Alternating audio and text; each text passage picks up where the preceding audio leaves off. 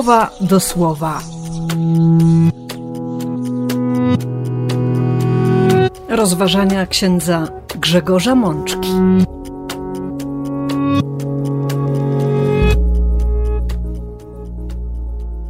Czwarta niedziela Adwentu, rok B.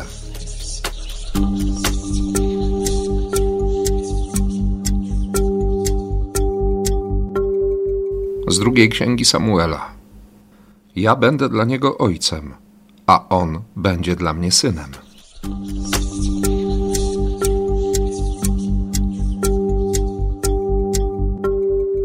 Z Psalmu 89. Utrzymam na wieki moje miłosierdzie dla niego, a moje przymierze będzie mu wierne.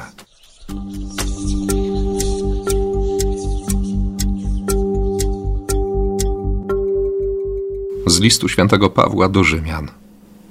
Temu, który ma moc was utwierdzić, zgodnie z moją Ewangelią i głoszeniem Jezusa Chrystusa, zgodnie z objawioną tajemnicą, przez odwieczne czasy milczącą, a teraz już objawioną za pośrednictwem pism prorockich, zgodnie z rozkazem wiekuistego Boga i daną do poznania wszystkim poganom, by wierze byli posłuszni, jedynemu, mądremu Bogu, chwała na wieki, za pośrednictwem Jezusa Chrystusa.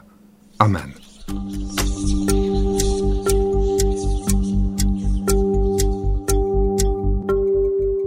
Z Ewangelii według świętego Łukasza. Dla Boga żadna rzecz nie jest niemożliwa.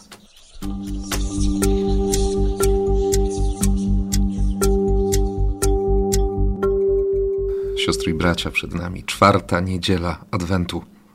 I właściwie ta niedziela zawiera w sobie całą tajemnicę ostatniego tygodnia Adwentu, który akurat w tym roku, w przeciwieństwie do poprzedniego, jest najkrótszym, czyli trwa 24 godziny.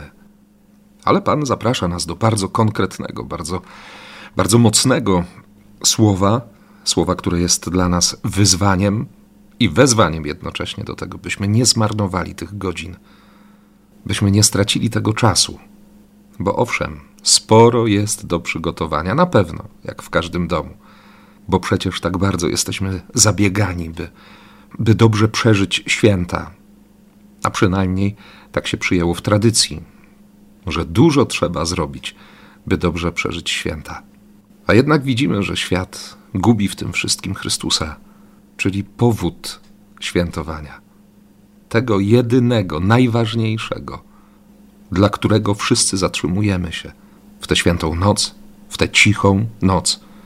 I potem w ciągu kolejnych dni, oktawy Narodzenia Pańskiego i, i okresu Bożego Narodzenia. A Pan przychodzi, bo jest wierny. I bardzo pięknie oddaje to pierwsze czytanie, ten fragment dość pocięty w liturgii, fragment siódmego rozdziału drugiej księgi Samuela. Kiedy Dawid doświadcza ogromnej opieki Boga, Pan wokół pokonał wszystkich jego wrogów. Cokolwiek wydarzyło się dobrego w życiu Dawida, wszystko jest darem, jest łaską, jest bardzo intensywnym działaniem Boga. Dawid potrafi to przyjąć, przynajmniej na razie.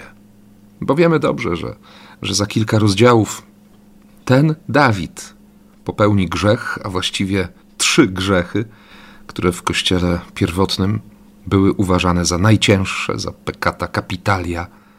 I, i przez długi czas dyskutowano, czy, czy można w ogóle e, otrzymać rozgrzeszenie kiedy popełniło się któryś z nich. A tu Dawid, owszem, w pierwszym przymierzu, kilkaset lat przed Chrystusem, ten Dawid dopuści się tych najgorszych, najcięższych grzechów na przestrzeni właściwie kilku dni. Bo zło, jak przeczytamy w Księdze Rodzaju, w historii Kaina i Abla i co potem przypomni nam zarówno pierwszy papież, jak i apostoł narodów, zło czai się, czyha, u naszych wrót. Próbuje się nawet łasić do nas. Demon bardzo często próbuje przybrać maskę anioła światłości i przekonać nas, że zło jest dobre, że na dobro nie powinniśmy patrzeć, że to wszystko, z czym się tak mocno zmagamy i o co walczymy, może nawet właściwie nie mieć większego sensu. Bo przecież czasy się pozmieniały, życie jest inne.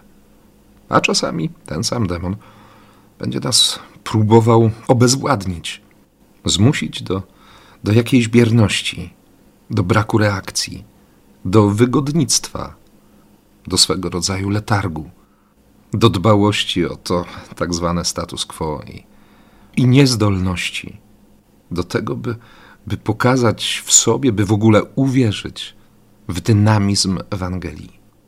Dlatego właśnie w pierwszym czytaniu podanym nam dziś w liturgii, Bóg, słuchając pragnień Dawida, momentalnie odpowiada, poszerzając perspektywę króla i jednocześnie dając obietnicę, która, która będzie szczęściem i dla Dawida, i, i dla całego narodu wybranego, a właściwie dla całego świata.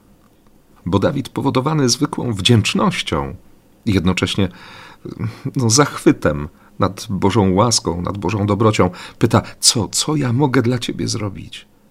Czym mogę Cię ucieszyć? A jakie jest pragnienie Boga? Ja będę dla Niego ojcem, a On będzie dla mnie synem. Bóg chce relacji. Cały czas chce relacji. On chce miłości. Oczywiście potrzebne są miejsca, gdzie można sprawować kult. Potrzebne są świątynie. Potrzebni są kapłani. Słyszeliśmy o tym w sobotnim czytaniu w proroctwie Malachiasza, kiedy Bóg zapowiedział oczyszczenie tych, którzy mu służą. Ale wszystko jest po to, by człowiek wszedł w relację z Bogiem, by był blisko, by odkrył Boga bliskiego. Boga, który chce dawać błogosławieństwo, a nie klątwę. Dalsza lektura siódmego rozdziału drugiej księgi Samuela pokaże nam Dawida, który, gdy usłyszał, co Bóg chce zrobić, usiadł przed Panem i, i nie mógł wyjść z podziwu, bo Boża łaska prowokuje do wdzięczności. Zawsze, ale to zawsze otwiera serce, by, by Bogu dziękować by stanąć w modlitwie uwielbienia. Słowo Boga może zrobić w nas takie rzeczy, że, że o tym za chwilę, bo, bo przecież jeszcze mamy dwa teksty, zanim wejdziemy w dzisiejszą Ewangelię. A zatem 89 psalm, 53 wersety, w których widzimy i wezwanie do, do uwielbienia Boga, i, i wdzięczność za Bożą troskę i próbę opisania Bożych dzieł, i przypomnienie historii zbawienia, i trudności, które się wydarzyły w dziejach narodu wybranego z prostego powodu, bo opuścili, bo zostawili, bo przestali wierzyć. I gdzieś w środkowej części tego psalmu, bo w wersecie 29 i 30 pojawia się jakby powtórzenie tej obietnicy z pierwszego czytania utrzymam na wieki moje miłosierdzie dla Niego. Moje przymierze będzie mu wierne, utwierdzę Jego potomstwo na wieki, a Jego tron będzie trwał jak dni niebios. Na wieki utrzymam moje miłosierdzie dla Niego.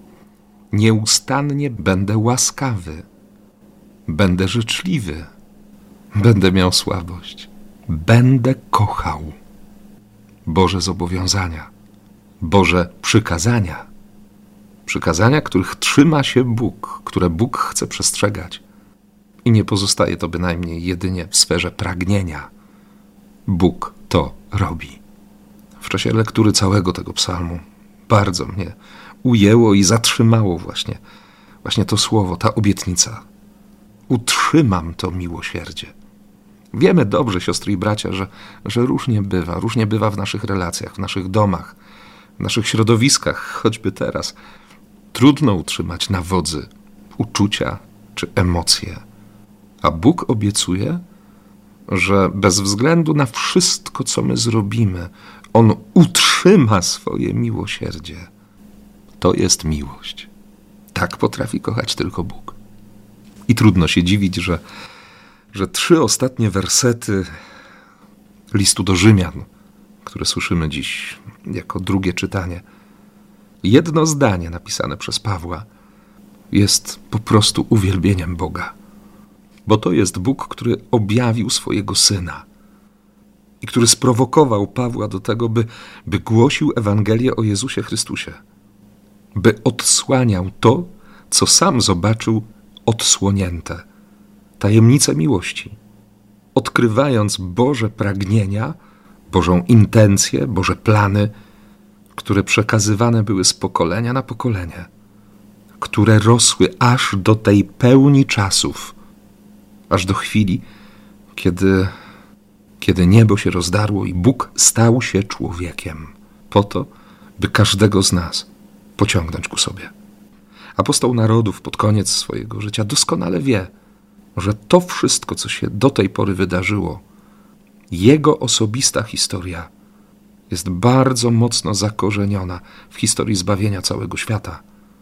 I on, Paweł, nie ma zamiaru zrezygnować z misji, zgłoszenia, zestawania się z dnia na dzień coraz bardziej wiarygodnym świadkiem Chrystusa, świadkiem Ewangelii.